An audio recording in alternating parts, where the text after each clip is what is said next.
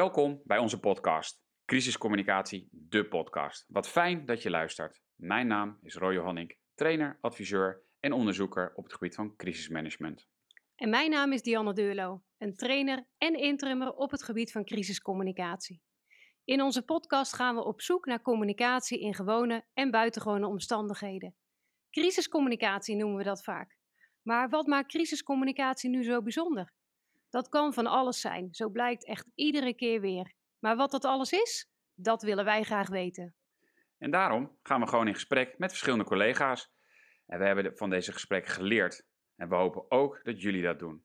Vergeet je dus niet te abonneren op deze podcast. Veel luister- en leerplezier.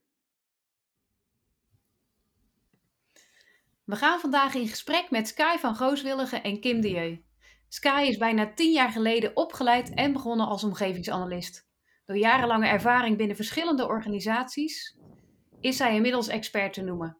En sinds 2020 is ze de trotse eigenaar van de omgevingsanalist.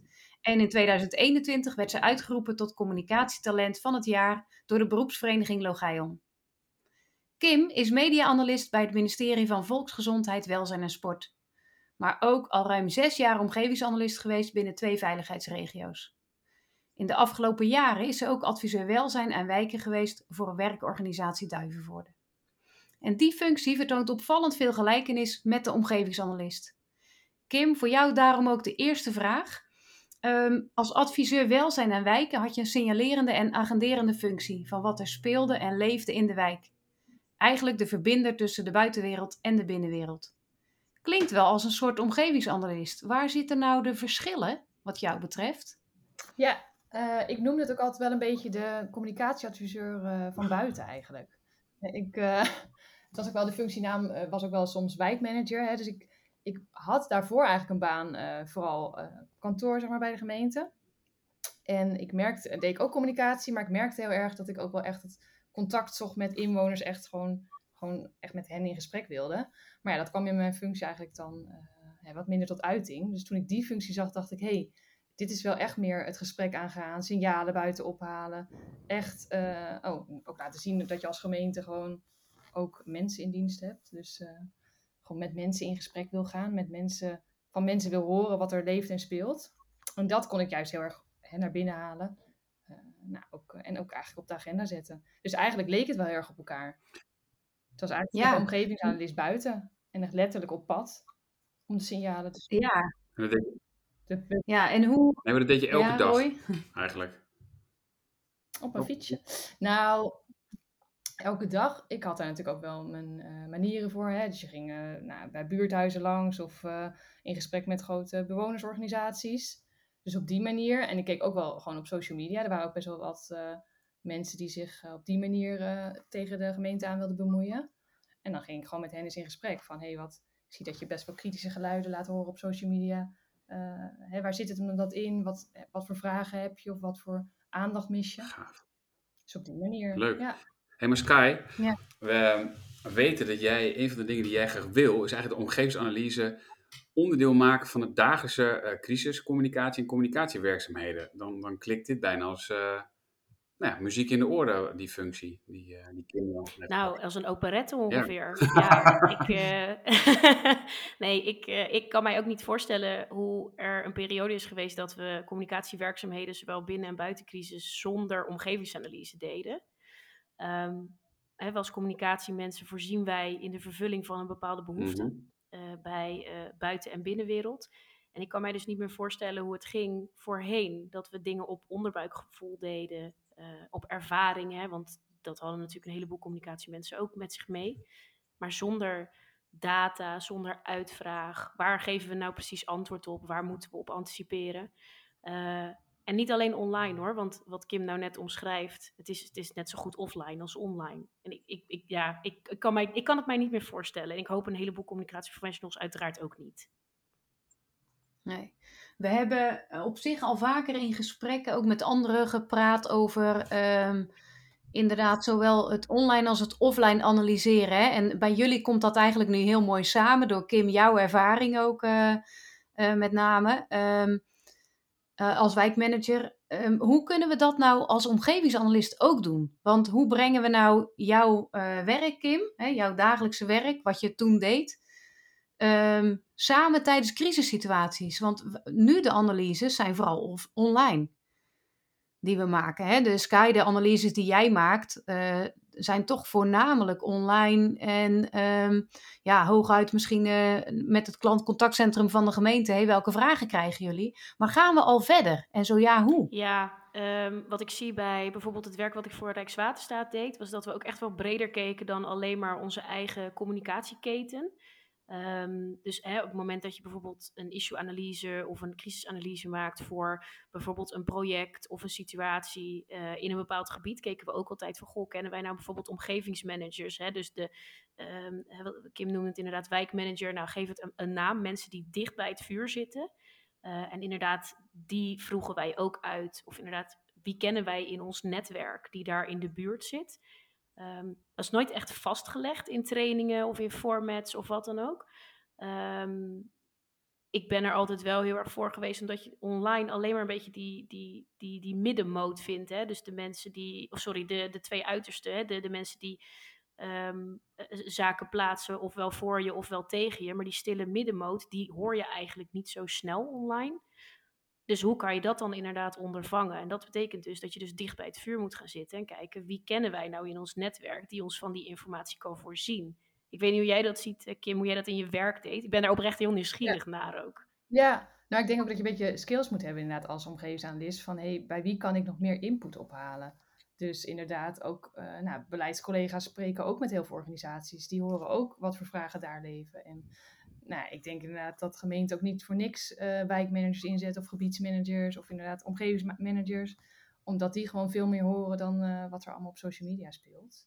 En ik denk dat je op social media wel heel erg inderdaad de uiterste ziet. Dus inderdaad uh, um, allerlei argumenten vaak tegen of juist voor. En dat is heel erg uitgesproken. Maar daar kan je ook wel een beetje uithalen van nou wat, wat voor vragen leveren er nou? Wat voor argumenten? En daar kun je natuurlijk wel wat meer eh, als je dat zeg maar hebt verzameld, ook wat dieper gaan zoeken van hé, hey, uh, wat zijn er nou nog voor andere mensen of wat voor, voor organisaties missen we hier nou heel erg in? Dus je kan het natuurlijk ook heel erg gebruiken wel. Wat is eigenlijk het verschil dan tussen een omgevingsmanager, hè, want die, heb ik ook, die brief heb ik ook wel eens gehad, ik woon naast een spoorlijn bijvoorbeeld, en een omgevingsanalist? Het, het voelt deels hetzelfde of zijn de doelen anders? Wat is eigenlijk het echte verschil dan tussen die twee?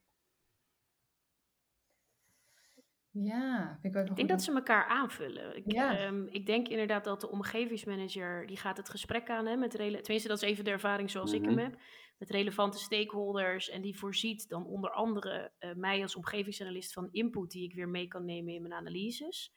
Um, en ander, andersom adviseren we natuurlijk vanuit communicatie op basis van die omgevingsanalyse ook zo'n omgevingsmanager weer van goh, hè, dit zijn ook de geluiden die we uit de verdere buitenwereld horen.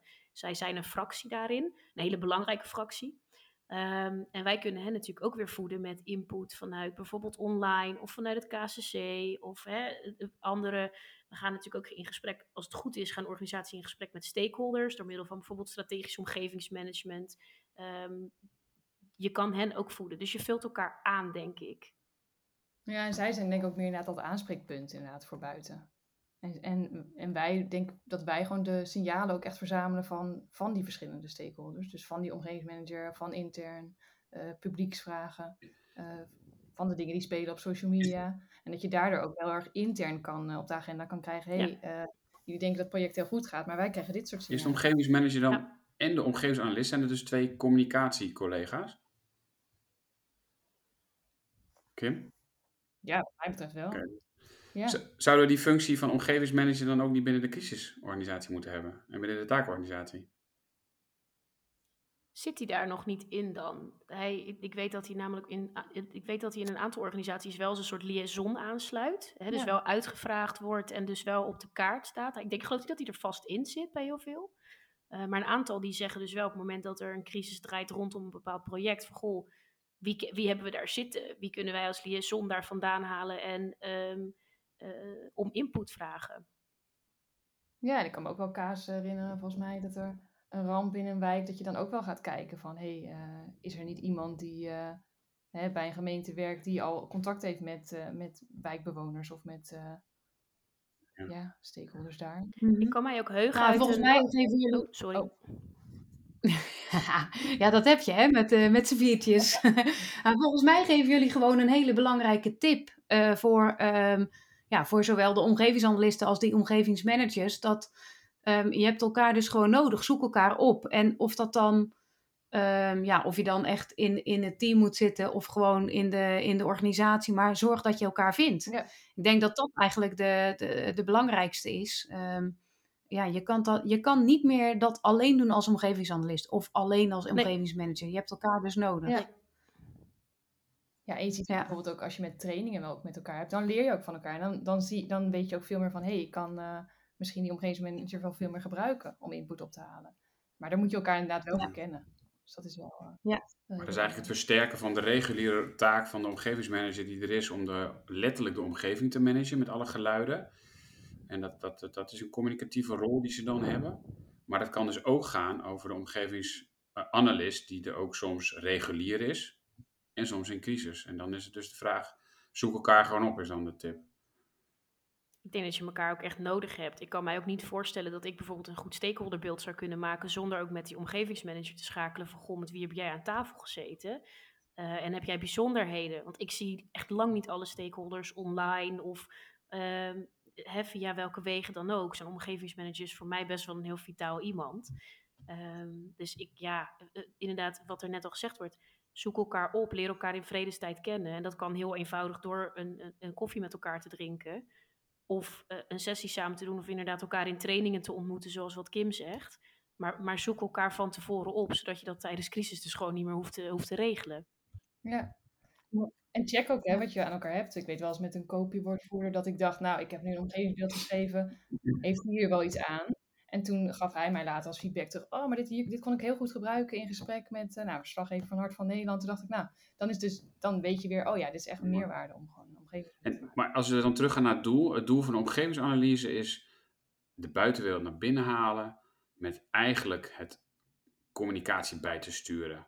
Is dat, is dat doel dus ook hetzelfde voor de omgevingsmanager? Het van buiten naar binnen halen om de communicatie bij te sturen?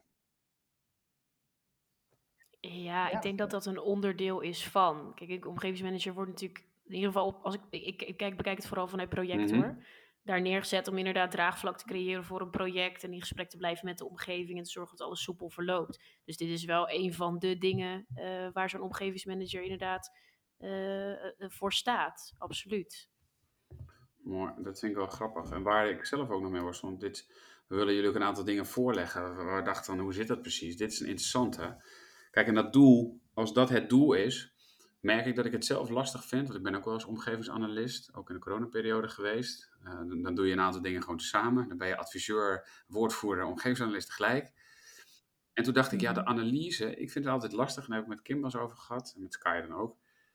Wordt het gewoon niet tijd om gewoon omgevingsanalyse weer het omgevingsbeeld te noemen? Om gewoon beeld en analyse op te knippen? Wat ben ik dan heel rigide? Ik ben heel benieuwd waar je het vandaan haalt, waar je, uh, waar je dat, hoe, waarom? Omdat ik uh, het heel moeilijk vind, en daar heb ik met een andere groep hebben we het vorige week ook over gehad, het heel moeilijk vind om te weten wat een ander nou exact nodig heeft. Kijk, een analyse dat is ook eigenlijk het betekenis geven aan de data die je ophaalt.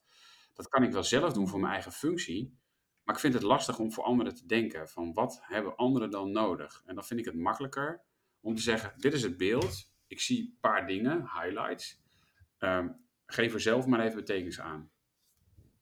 Ja, vind ik heel makkelijk. Ligt het dan niet, ligt het dan niet aan de intake die je doet? Je ma- omgevingsanalyse is maatwerk. Is het dan niet een intake die je van tevoren uh, moet doen van, goh, hè, op welke vragen... Volgens mij hebben we het daar inderdaad wel eens, wel eens over, uh, over gehad. Dat ik zie, ik, ik, zie, ik hoor je ja. lachen.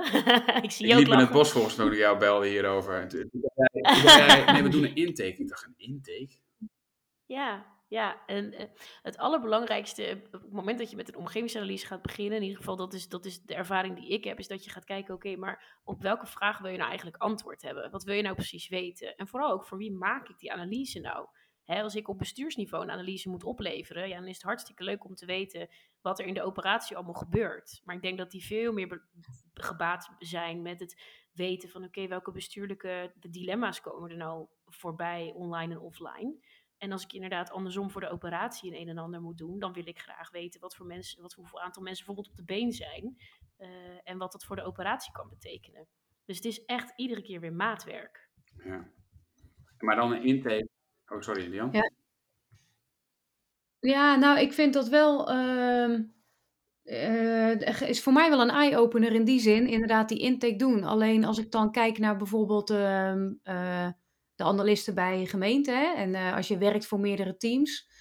Je maakt natuurlijk de analyse voor bijvoorbeeld een kopie, hè, het team wat ter plaatse is, maar je maakt ook een analyse voor het team van de burgemeester. En het, het regionaal operationeel team gaat ook wat met die analyse doen. Dus dan moet je op drie niveaus intakes doen? Of hoe zie je dat dan? Nou ja, als het goed is, zit daar een HTOC tussen met wie jij schakelt. Die dus heel goed kan bepalen, eh, hoop ik in ieder geval, die, eh, van goh, hè, wat is er nodig? En op het moment dat je als analist opgeroepen wordt, is een van de eerste dingen die je vraagt, oké, waar moeten we op letten? Voor wie maak ik nou die analyse? En dan hoop ik dat die HTOC gewoon de uitvraag heeft gedaan van welke behoefte er dus leeft. Ehm, en als dat niet het geval is, dan hoop ik dat we daar wel snel op kunnen bijsturen. Ja, ja en ik denk dat we ehm, ook als team met elkaar ook zelf na kunnen denken. Als wij zelf ehm, niet zozeer een analyse van de omgeving maken, maar wel de analyse van: hé, hey, wat weten we nu allemaal? Wat is er aan de hand? Eh, wat betekent dat? Wie moet er wat doen? Dat we op basis daarvan ook heel goed kunnen bepalen. En wat hebben we dan nodig qua Ja, omgevingsanalyse? zeker. Je bent natuurlijk niet alleen analist, je bent ook een gedeelte adviseur. Hè? Je bent als het goed is expert in een bepaald eh, gedeelte van het vak. Dan mag je daar ook wel, soms misschien ongevraagd, eh, iets met brutaaltjes die de halve wereld hebben, eh, advies over geven. Van goh, hè, we zien nu dit. Dan adviseren we dus wat, wat er nu nodig is. Kim, hoe zie jij dat? Nou, ik zat er ook over na te denken, want wij hebben het inderdaad ook een keer over gehad. Ik kan me ook voorstellen dat je inderdaad bij kleine incidenten misschien even een soort van omgevingsbeeld wil van, nou, dit is inderdaad op dit moment aan de hand. En dat kan je misschien even snel een soort quick scan even schetsen. Maar als je echt een analyse wil maken, dan heb je daar ook wat meer tijd voor nodig. Maar dan is het ook weer waardevoller eh, hè, voor anderen in het team om te gebruiken. En zeker inderdaad als het een grotere crisis is, dan, ja, dan wil je ook die burgemeester voeden met informatie. En dan eh, nou ja, wil je ook jouw analyse schetsen. Dus ik denk wel. Ja. En ik denk dat dat ook de kunst is om goed met elkaar inderdaad, nou wat jullie ook zeiden, gewoon af te stemmen met de verschillende mensen in het team van wat is er nu nodig. Als jij alleen Ja. maar. ehm, hè, een- Maar heb jij veel... eh, Kijk, wat Sky zegt, toen ze dat zei, toen dacht ik, hè, intake? Zo heb ik het nooit gevoeld. Heb jij dat gevoeld als omgevingsanalist, dat wij intakes doen? eh, Als hoofdcommunicatie met een omgevingsanalist? Dat ze heel... Volgens mij is het dan, nou, ik verwacht van jou een omgevingsanalyse. Doe maar over een half uurtje. Waarover? Ja, over dit incident. Klaar.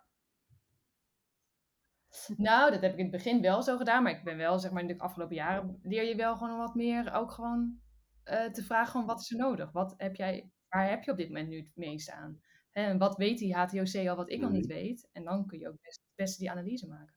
En maar hoe gaat het bij, bij VWS? Je werkt nu ook bij Ja, VWS bij- als media-analyst. Hoe gaat het daar dan? Heb- Doe je er ook soort intakes?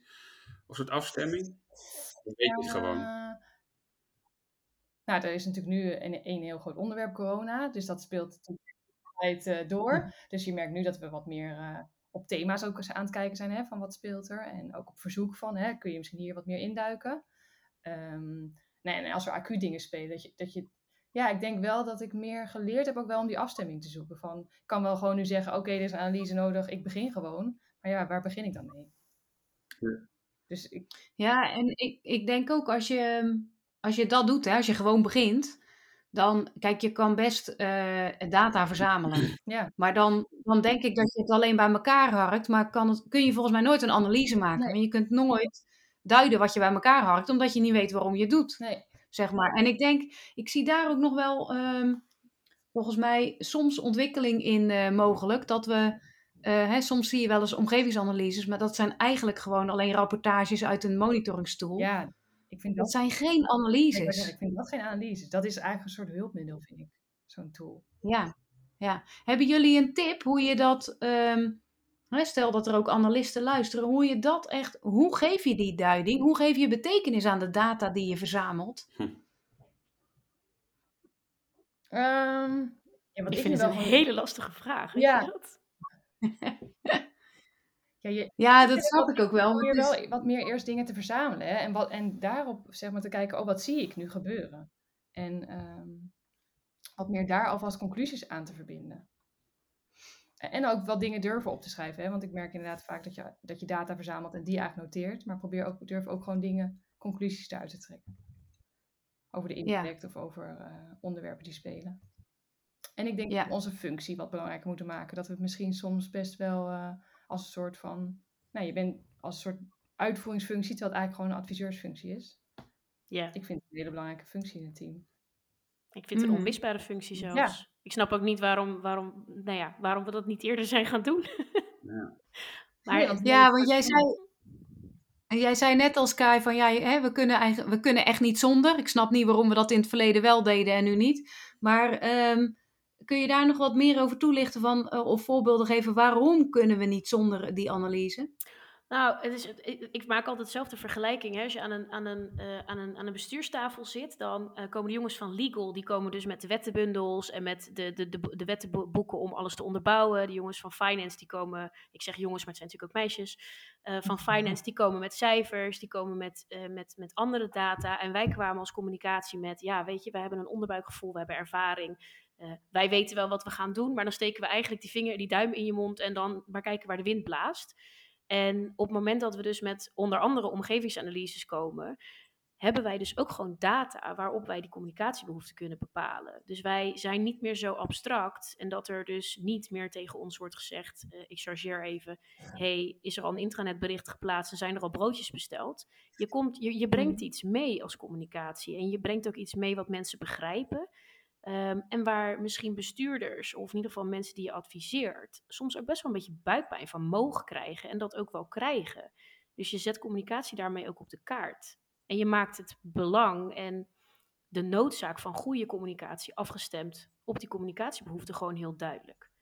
En je maakt het werk van mensen ook makkelijker. Tenminste, dat is de ervaring die ik heb. Als jij met een omgevingsanalyse komt, dan hoeft er door de aanpakkers, die kunnen direct aan de slag. Het hoeft niet meer op onderbuikgevoel en nou, laten we maar hopen dat dit werkt.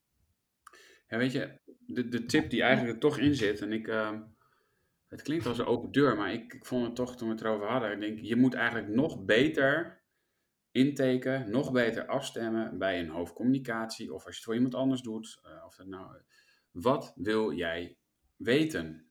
Jij wil iets weten, als jij dat gewoon scherper formuleert, dan wordt het voor mij makkelijker om, om aan jouw doel uh, een bijdrage te leveren. Dat is eigenlijk wat jullie allebei ook zeggen.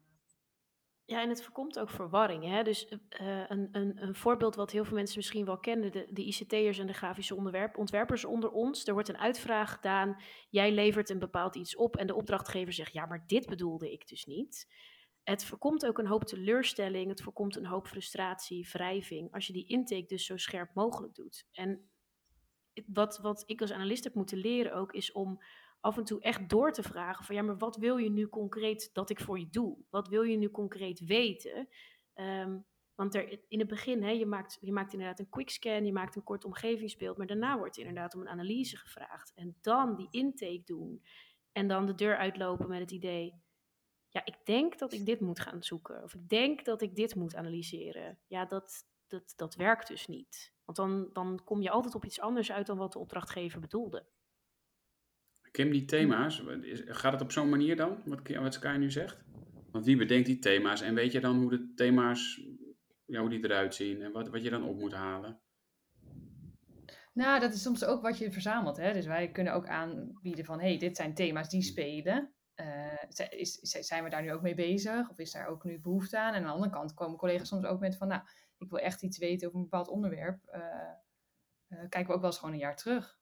Gewoon van, hey, hoe, um, wat, wat, wat, wat zijn er voor vragen over? Of wat, wat is een beetje het sentiment buiten? Of um, uh, is, is die mening ook veranderd, zeg maar, gedurende het jaar?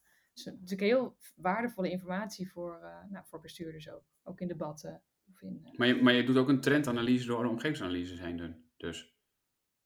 Eigenlijk wel.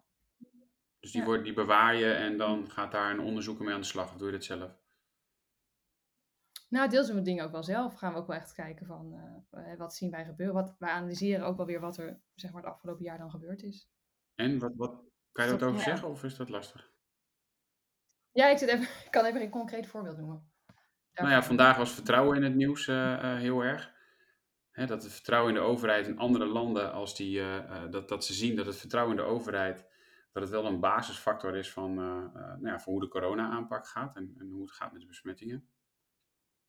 En vertrouwen ja. is natuurlijk wel, wel, wel een, een, dingetje in ons land. Ja, nou, we kijken dan wel naar onderzoeken. Of wat, wat wordt daarover geschreven? Wat wordt er, wat, dat is, dat is even na te denken. Dat is ook wel waar we naar kijken van, nou, hoe ehm, gaan andere landen ermee om? om zeg maar ons standpunt te gaan bepalen. Dus het is wel, je gebruikt wel zeg maar de verschillende data eigenlijk voor nou, uiteindelijk weer besluitvorming. Ja, en ik kan me ook voorstellen dat ehm, bij die intake, en als je bijvoorbeeld aan dat hoofd vraagt van hè, wat, wat heb jij nodig, um, uh, dat je ook met elkaar even bespreekt wie zijn onze doelgroepen. Want uiteindelijk bij crisiscommunicatie, en zeker binnen overheid, doen we het natuurlijk wel voor de, voor de samenleving, hè, voor onze inwoners. En um, ja, is het heel belangrijk om dan scherp te hebben. Nou, jullie kennen natuurlijk, jullie kennen die uh, cirkels van getroffen, hè? voor de luisteraars misschien nieuw. Uh, dat je kijkt naar, nou, wie is er nu echt getroffen, wie is uh, betrokken en wie voelt zich betrokken. maar als je die scherp hebt, dan kun je natuurlijk daar ook met je analyse naar gaan kijken. Of is dat iets wat je niet, ga je eerst breed kijken en dan ga je versmallen en ga je naar je doelgroepen. Hoe doen jullie dat in de praktijk? Nee, voor mij is wel iets wat ik als eerste altijd wel bedenk. Van voor wie doe je dit nou eigenlijk? Uh, wie zijn de belangrijkste mensen? Uh, hè, je weet dat de media er van alles over vindt, maar als je het e-, gewoon even klein maakt van hé, hey, uh, we doen het echt voor die mensen die getroffen zijn. Mm-hmm. Of hun nabestaanden, of, hè, of hun. Uh, dus dat, ik vind dat altijd wel het belangrijkste om eerst te doen. Ik probeer dat ook altijd wel, want het is wel iets van uh, wat voor soort weer weg hebt, soort automatisch. Terwijl je, je weet dat dat het eigenlijk het belangrijkste is. Probeer dat wel altijd weer naar voren te halen. Nou, wat te benoemen naar collega's. Ja. ja. Dus je maakt ook zelf uh, die doelgroepanalyse eigenlijk voordat je start. Of je hebt het er in ieder geval over met je hoofd dan. Ja, wel met collega's inderdaad, ja. Ja, ja. ja. En als je... Um, uh, nou, dan weten we de getroffenen, daar gaat het om. Hè? Dan zijn er, zij zijn het allerbelangrijkste, zeggen we altijd. Uh, maar als nou mensen echt heel heftig geraakt zijn door een gebeurtenis, uh, wat ik dan lastig vind, is waarschijnlijk uiten zij zich niet. In ieder geval niet online. Hè? Als je echt heel uh, nauw erbij betrokken bent, ja, dan is mijn eerste zorg waarschijnlijk niet dat ik een Twitterbericht ga plaatsen. Maar dan ga ik misschien naar de rampplek toe of mijn familie bellen of wat dan ook. Hoe haal je nou die zorgen echt naar binnen? Of kijk je dan toch vooral naar die tweede ring om zo weer invloed uit te kunnen oefenen op de mensen die echt geraakt zijn? Hoe, gaat dat dan? Misschien lastige vragen, lastig uitgelegd. Realiseer ik me. Nou ja, daar heb je die offline component natuurlijk ook weer. Hè? Dus op het moment dat je bij wijze van spreken een opvanglocatie hebt, dan hoop ik dat je daar mensen hebt staan. Onder andere ook van bijvoorbeeld publieksvoorlichting, uh, die daar een bijdrage kunnen leveren. Uh, ik hoop ook dat je um, uh, als we het inderdaad over nabestaanden hebben, dat je daar natuurlijk ook vanuit de organisatie input kan ophalen. Niet per se bij de mensen zelf, sterker nog, dat zou ik echt ten zeerste afraden. Mhm. Maar dat je ook binnen je mhm. eigen organisatie gaat kijken van oké, wie zit er nou op welke plekken? Um, wat je heel erg ziet met omgevingsanalyses, en dat is denk ik ook wel de ontwikkeling die we moeten, die we moeten doormaken, is dat er online gewoon steeds minder geplaatst wordt en dat ook steeds meer gesloten wordt hoe kunnen we dus inderdaad zorgen dat we ons netwerk inzetten? Wie kennen wij nou binnen de organisatie? Hè? Waar jij het ook over had, Kim. We hebben het over mensen die bijvoorbeeld met het beleid bezig zijn, die binnen de uitvoering bezig zijn, die ter plaatse zijn. Kennen wij die mensen nou en kunnen zij ons voorzien van input? Dat is voor mij denk ik misschien soms nog wel waardevoller um, dan, um, uh, dan inderdaad de online uh, input. Ja, ik, heb het echt, ik heb het wel eens gehad dat er een demonstratie was en dat een vriendinnetje van mij meeliep. En die heb ik inderdaad gewoon constant gevraagd: wil je updates sturen? Hoe het daar is, hoe voelt het, hoe is de sfeer? En dat was ook een gelukje bij een ongeluk, hè? Dat ik toevallig wist dat zij daar was. Maar zo belangrijk is je netwerk dus ook. Ja, ja echt, uh, dat blijft voor mij wel de rode draad nu van dit gesprek. Dus we moeten. Uh, en dan, dan uh, Roy, kijk ook naar ons. Maar ja, Kim en uh, Sky, jullie geven natuurlijk ook wel eens training. dan moeten we dus ook in trainingen veel meer aan gaan werken met elkaar. Dat we niet meer alleen trainen op mensen bekwaam maken in het online nee. kunnen analyseren, maar ook veel meer in die netwerkanalyse maken. Ja, ja, en ook wat er nodig is zeg maar, om een goede analist te zijn. Dat denk ik ook inderdaad vooral. Ja, precies. Ja. ja. En ja. Um, ja, ja, we hadden het net natuurlijk over van hey, hoe kan je die hoe haal je dan die informatie bij die getroffenen op? Ik zat nog even te denken, je ziet natuurlijk wel eens hè, als je dan echt denkt van, nou, ik weet echt niet hoe ik dat nou aan moet pakken, want ik, zie die, ik, ik hoor die mensen gewoon niet uh, op social media en ik ken ook geen mensen daar, dat je dan gewoon wel soms gewoon logisch na gaat denken van, oh, is er inderdaad wel een buurthuis? Nou, misschien gaan mensen daar wel naartoe. Of, uh, of je ziet soms wel in vragen een beetje doorcijpelen van, oh, ik ken iemand die daar, uh, die daar woont en die, heeft, die, die krijgt geen contact met de gemeente, dus daar kan je wel iets uithalen. Hé, hey, misschien is er toch wel een extra telefoonnummer of extra ter plaatse iets nodig misschien juist als je ja. weet er is ter plaatse of je hoort niks, dat je juist dan iemand er naartoe stuurt. Dat dat dan eigenlijk je actie is. Ja, en je ziet ook vaak wel als een soort van zelf zie je mensen opstaan, hè, als een soort woordvoerders van Ja. een bepaalde groep. Dus dat zag je bijvoorbeeld na de Bataclan, na de MH17, dus na zulke zware gebeurtenissen zie je dat er altijd een soort spokesperson naar voren treedt, die dus namens de hele groep nabestaanden of familieleden spreekt. En dat zijn ook wel mensen om heel, die, die, die, die ontzettend veel van input kunnen voorzien. Ja. Ehm, en die voor een organisatie dus ontzettend belangrijk kunnen zijn. Je zag ook bij die servers toen in Den Haag, zeg maar in Scheveningen, dat is natuurlijk ook wel een heel heftig incident. En dan, eh, ja, daar zie je ook wel heel erg de betekenisgeving die je dan ook echt in die in de analyse zeg maar, naar voren brengt. Omdat het echt een, nou, een, een, groep was, eh, mensen gingen bloemen leggen, mensen kwamen bij elkaar. Je zag echt dat het een hechte, hechte groep was. Dan denk ik wel, ja, je, je kan daar ook heel veel eh, eh, Ja. uithalen. En, en Uit wat je dan... Ja, Die, die, die service inderdaad, dat gaat dan over een, eh, een groep die, in het, eh, die uiteindelijk in de zee omkomt door een, door een wat rare smurrie of zo, weet ik nog. Ehm, Ja. Maar wat ik eigenlijk meer in hoor, en door alle dat is eigenlijk een omgevingsanalist moet voordat hij aan het werk gaat, zijn eigen omgeving analyseren. Oftewel, hij of zij moet weten, wat is eigenlijk het incidenttype waar ik op manage? Wat is het issue wat ik manage? Dat moet ik scherp hebben. Maar ik moet ook weten hoe de organisatie waarvoor ik werk, wat ze wil weten. En dan moet ik heel goed weten wat de rol van mij binnen dat speelveld is. Dat betekent dat ik een goede intake moet doen met mijn hoofdcommunicatie, of die mij bijstuurt. Ik merk, daar ben ik gewoon heel eerlijk in nu, ik ga wel eens en, en aan dat stuk voorbij en ik ga toch liever snel aan het werk. Ja, ja, ik weet het wel. Terwijl eigenlijk de oproep nu is van wacht eens even, voordat we aan het werk gaan als omgevingsanalist, laten we nou iets meer aandacht hebben uh, voor hè, de organisatie waarvoor je werkt. Maar meestal weten we dat wel. Hè, of dat nou Rijkswaterstaat is of uh, VWS of, of de veiligheidsregio of een regionale crisisorganisatie. Maar ga ook na hoe precies het incident is en wat dan de, de, de taak en de rol is van, uh, van ons binnen dat incident. En als je het niet snapt, hoor ik nu een paar keer, vraag door, vraag door. Want anders ja, lever je ook, dan, dan kan je wel iets goeds opleveren, maar als je iets goeds oplevert in een foute context, is het nog steeds fout. Dan ben ik veel kort. dat vind ik wel grappig. Toch? Zeker. Nou ja, dat Ja. is ook de reden waarom, ik me, eh, waarom, ik, waarom het zo belangrijk is inderdaad om die functie wat meer ruimte en wat meer aandacht te geven. Inderdaad, wat jij zegt, eh, Kim, je bent gewoon inderdaad communicatieadviseur. eh, zo dan niet strate- strategisch communicatieadviseur. Want je, je, je moet in alle lagen van de organisatie kunnen bewegen. Hmm. Ehm, En je moet dus die HTOC's, daar moet, je, daar moet je mee kunnen lezen en schrijven. Ja, en want die Ja. kunnen ook heel erg varen op jou, hè? Want ja, Ja. die zitten ook maar binnen en die eh, proberen, ja, die hebben een team aan te sturen. Dus die kunnen helemaal niet heel goed meekrijgen wat daar buiten allemaal gebeurt. Dus het is- Nee, die hebben jou daar echt Ja. bij nodig inderdaad. Ja. Ja. Ja. En andersom ook, hè, jij binnen. Oh, Ja. ja. inderdaad. Ja. Heel goed.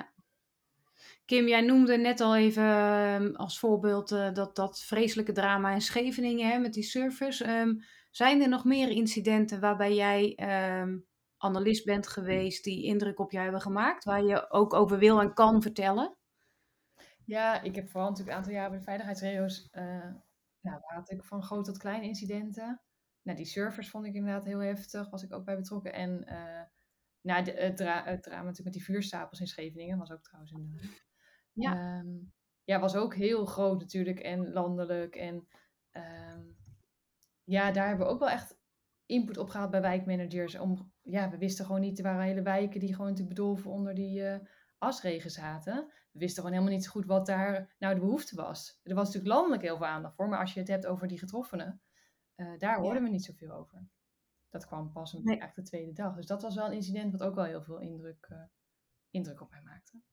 Ja, snap ik. Ja, en voor jou, Sky? Oh, jouw geluid is uitgegaan, Sky, je microfoontje. In de... Ja, Nou, ik zat ondertussen ook even na te denken. Het zijn wat oudere incidenten, maar er zijn een aantal die me echt bij zijn gebleven. Een daarvan is de vermiste broertjes Ruben en Julian. Waar we echt de kracht van social media zagen en hoe belangrijk het inderdaad is ehm, eh, om die analyses te maken. Ik werkte toen nog voor de, voor, voor de politie. En een van de dingen die dus gebeurde, was dat er gewoon ontzettend veel betekenisgeving eh, speelde rondom uh, het Facebookbericht van, uh, van de moeder van de broertjes. Maar ook het feit dat mensen daadwerkelijk op de been kwamen en er dus inderdaad ook wel risico was voor um, opsporing en het, het, het misschien vernietigen van bewijsmateriaal. Dus hoe zorg je nou dat degenen die zich uitspreken en die daar naartoe gaan, dat je dat als organisatie samen met je partners in goede banen leidt, zonder daar dus een soort in de kramp te schieten. Um, en ik weet, eh, eh, een van de, van de dingen die me ook heel erg bij zijn gebleven, was ook een hele lokale. Dat was toen het, de DNA-straat rondom het onderzoek naar Nicky Verstappen weer geopend werd. Toen ben ik, ik, ben daar, ik ben daar ter plaatse geweest. Toen werd die DNA-straat geopend. En daar was lokaal, en daar had ik online eigenlijk bijna niet, bijna niet echt analyses gemaakt, maar vooral lokaal um, uh, waar die DNA-straat geopend werd, heb ik gewoon mijn oor te luisteren gelegd en heb ik het gesprek gewoon eens gevolgd offline. Dat was een van de eerste keren dat ik dat deed. Mm. En daar zat zoveel reuring en betekenisgeving in, dat ik ook dacht, ja, maar dit is dus ook iets wat in mijn omgevingsanalyses mee moet. Uh, en dat er was online eigenlijk niet zoveel over te vinden, behalve wat ja, lokale media aandacht, omdat het natuurlijk heel regionaal was. Maar offline speelde dit zo gruwelijk uh, groot in die omgeving, in die ja, bubbel waar, van, van, van, uh, van die omgeving waar Nicky toen woonde en waar die DNA-straat geopend werd. Dus dat was voor mij echt een eye-opener toen. Was je stiekem niet omgevingsmanager toen? Nee, ik heb me precies nergens mee bemoeid die dag. nee, ik, eh, ik heb eigenlijk alleen maar geluisterd. Um, en ik heb uh, overleg gepleegd inderdaad. Goh, hè, moeten we nou ter plaatse nog iets aan uh, communicatie of activiteiten doen. Het ging eigenlijk heel erg goed. De reacties waren heel Mhm. goed. Alleen er was gewoon heel veel emotie bij gepaard. Omdat het natuurlijk een ontzettend langlopend onderzoek was. Ja. Ja. Ja, ik, ik zit nog steeds met dat opknippen. Ik snap echt wel wat jullie zeggen. En eh, ik vind een. Ik was eigenlijk tot, tot nu overtuigd van we moeten, moeten het gewoon weer losknippen. En jullie zeggen allebei: nee hoor, we zijn adviseur. Als we een goede intake doen, eh, we worden goed gebriefd, kunnen wij ook een advies geven over het beeld dat we ophalen. Dus ik moet dat nog even verwerken, merk ik. Ehm, ook omdat ik altijd overtuigd was van, en op het moment dat ik het zelf moest doen, ehm, ja, ik kan niet denken voor een kopie, een ROT en een BT. Ik weet niet wat zij nodig hebben aan informatie. Maar ja, jullie draaien hem nu om. Dan zeg je, ja Roy, dat had je gewoon moeten vragen. Ik zie twee knikken. Oh jongens. Ik moet, even, ik moet vanavond even een borrel drinken, denk ik dan. Dat met, nou, ik snap het. Nu, ik, ik, ik heb nog geen, ik kan, ik kan jullie, ja. Nou, ik moet even het verwerken. Ja, dus, dus de intake doen. Ehm, eh, er is nog één ding wat, wat ik jullie wil vragen. Want waar ik, nog, waar ik me nog een beetje zorgen om maak, is. ehm, eh, kijk, de, ik, ik ben het helemaal met jullie eens als we zeggen: we kunnen niet zonder analyse. Hè? Jij hebt dat, Sky, jij hebt dat hartstikke goed verwoord. eh, daar sluit ik me voor 100% bij aan. Ehm, en vraagt ook wel echt meer aandacht voor deze functie. En ook inderdaad, we zijn eigenlijk een adviseur en zelfs misschien wel een strategisch adviseur. Wat ik er nog spannend aan vind is, ehm, stel we maken een analyse, maar die is toch niet helemaal zorgvuldig. Of we hebben toch eh, de verkeerde focus en we gaan op basis van die analyse de communicatiestrategie bepalen en het advies geven. Dan zou het dus zomaar zo kunnen zijn dat we er volledig naast zitten. Dat kan natuurlijk altijd, daar ben ik me ook wel van bewust. Je moet toch op een gegeven moment moet je iets gaan doen en eh, ja, doe je dat ook naar eer en geweten. Maar ehm, kunnen we nou ergens nog een soort check inbouwen dat we zeker weten dat we ja, de juiste buitenwereld naar binnen halen, om het zo maar even te zeggen? Of blijft dat een, een, eh, een onzekerheid? Ja, ik denk dat het altijd wel een zekerheid blijft. En je maakt natuurlijk ook niet één omgevingsbeeld of analyse. Dus je, gaat, je checkt daarna natuurlijk ook wel weer je communicatie. Hey, komt het aan? Of hey, misschien zijn er de volgende dag ineens andere groepen die eh, van zich laten horen. Ja. Je bent natuurlijk nooit ook volledig daarin. Dus ik denk ook niet dat je... Nee, dus denk ik goed, goed dat je dat zegt, Kim. Want inderdaad, ehm, eh, eh, bij een flitscrisis maak je natuurlijk bij wijze van spreken elke drie kwartier een analyse. Ja. heel erg ja, natuurlijk dan ook. Ja, ja, ja. Nee, want jij? Nou nee, ik sluit me helemaal aan bij, bij wat je zegt. Het is een fluïde proces. En zeker tijdens crisis, inderdaad. Het kan elke drie kwartier kan het weer anders zijn. En ehm, ik blijf erbij. ik word nou een soort, voel een beetje predikant worden. Die intake, die moet gewoon ijzersterk zijn. Er is, er is in crisis in zoverre geen ruimte voor ehm, ontbrekende informatie en het maken van fouten. Maar je kan het natuurlijk nooit eh, uitsluiten. Ehm, dus vandaar nogmaals, die intake moet gewoon ijzersterk zijn. Die moet gewoon helemaal volledig zijn. Ga je het helemaal krijgen? Nee. En doe je het inderdaad met eer en geweten en met de beste kennis en ervaring die je hebt? Ja, absoluut. En ga je dus wel eens Ja. nat? Ja. Ja, het voordeel is wel dat je Ja. elke drie kwartier dus moet gaan bijsturen. Dus dus ook weer de ruimte is voor reparatie. Liever niet, maar het kan dus wel. En om daarop door te gaan, wat je steeds, je, je ziet dat we steeds meer omgevingsanalyse maken. Maar ik zie ook steeds vaker dat we een team van omgevingsanalisten maken. Dat zou bij, eh, bij het ministerie ook zijn, eh, Kim. Maar, maar Sky, je hebt ook in teams gewerkt, weet ik. Wat ik lastig vind is, hoe gaan we dan een onderscheid maken tussen eh, wie doet dan wat? Hoe doen jullie dat, Kim en daarna Sky?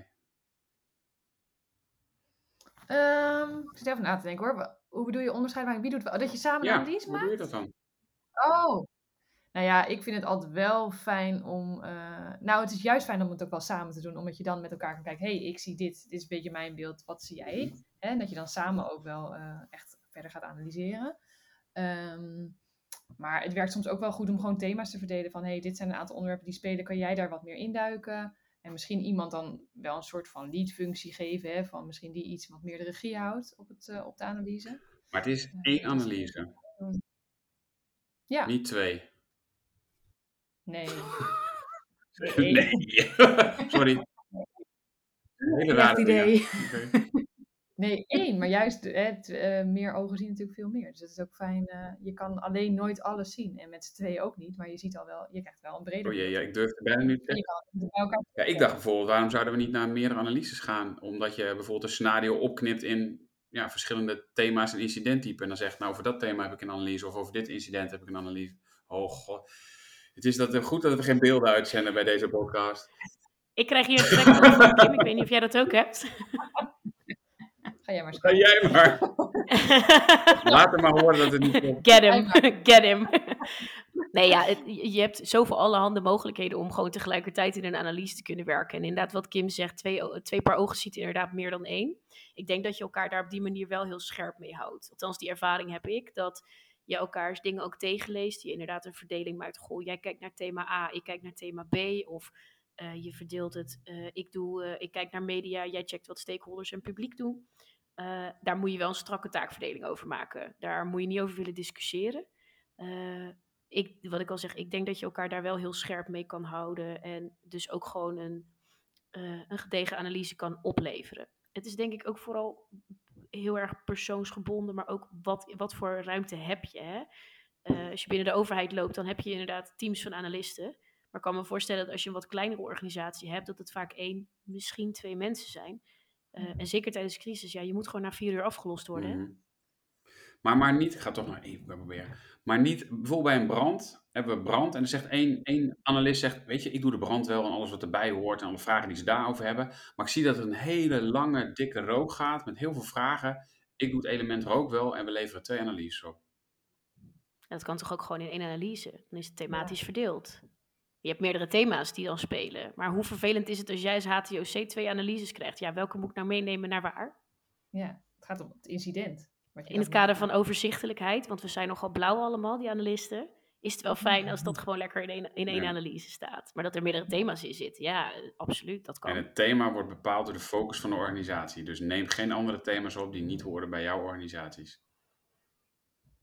Nou, vind ik ook niet helemaal. Je kan natuurlijk wel gewoon adviseren van... goh, jij hebt thema brand en rook meegegeven... maar we zien ook thema, eh, weet ik veel, chemische uitstoot... zien we terugkomen in de buitenwereld... dat er veel vragen over zijn. snap Eh, ga daar eens naar kijken wat je daar in je communicatie mee wil doen. Dus je, hebt niet alleen een, je, je bent niet alleen uitvoerend... Hè, je bent ook signalerend en Nee, mooi. adviserend. Jij bent die advocaat van de buitenwereld. Jij signaleert dus dat er meer speelt... dan alleen maar brand en rook bijvoorbeeld.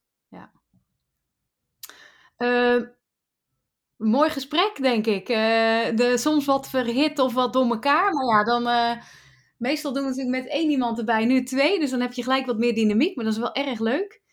Ehm, ik kijk naar de klok. We zitten echt al aan de drie kwartier. Dat is een beetje onze streeftijd voor de podcast. Um, dank jullie wel dat jullie eens even wilden sparren over dit onderwerp. Uh, volgens mij zit er heel veel ontwikkeling in het vak. Uh, het vak van omgevingsanalyse.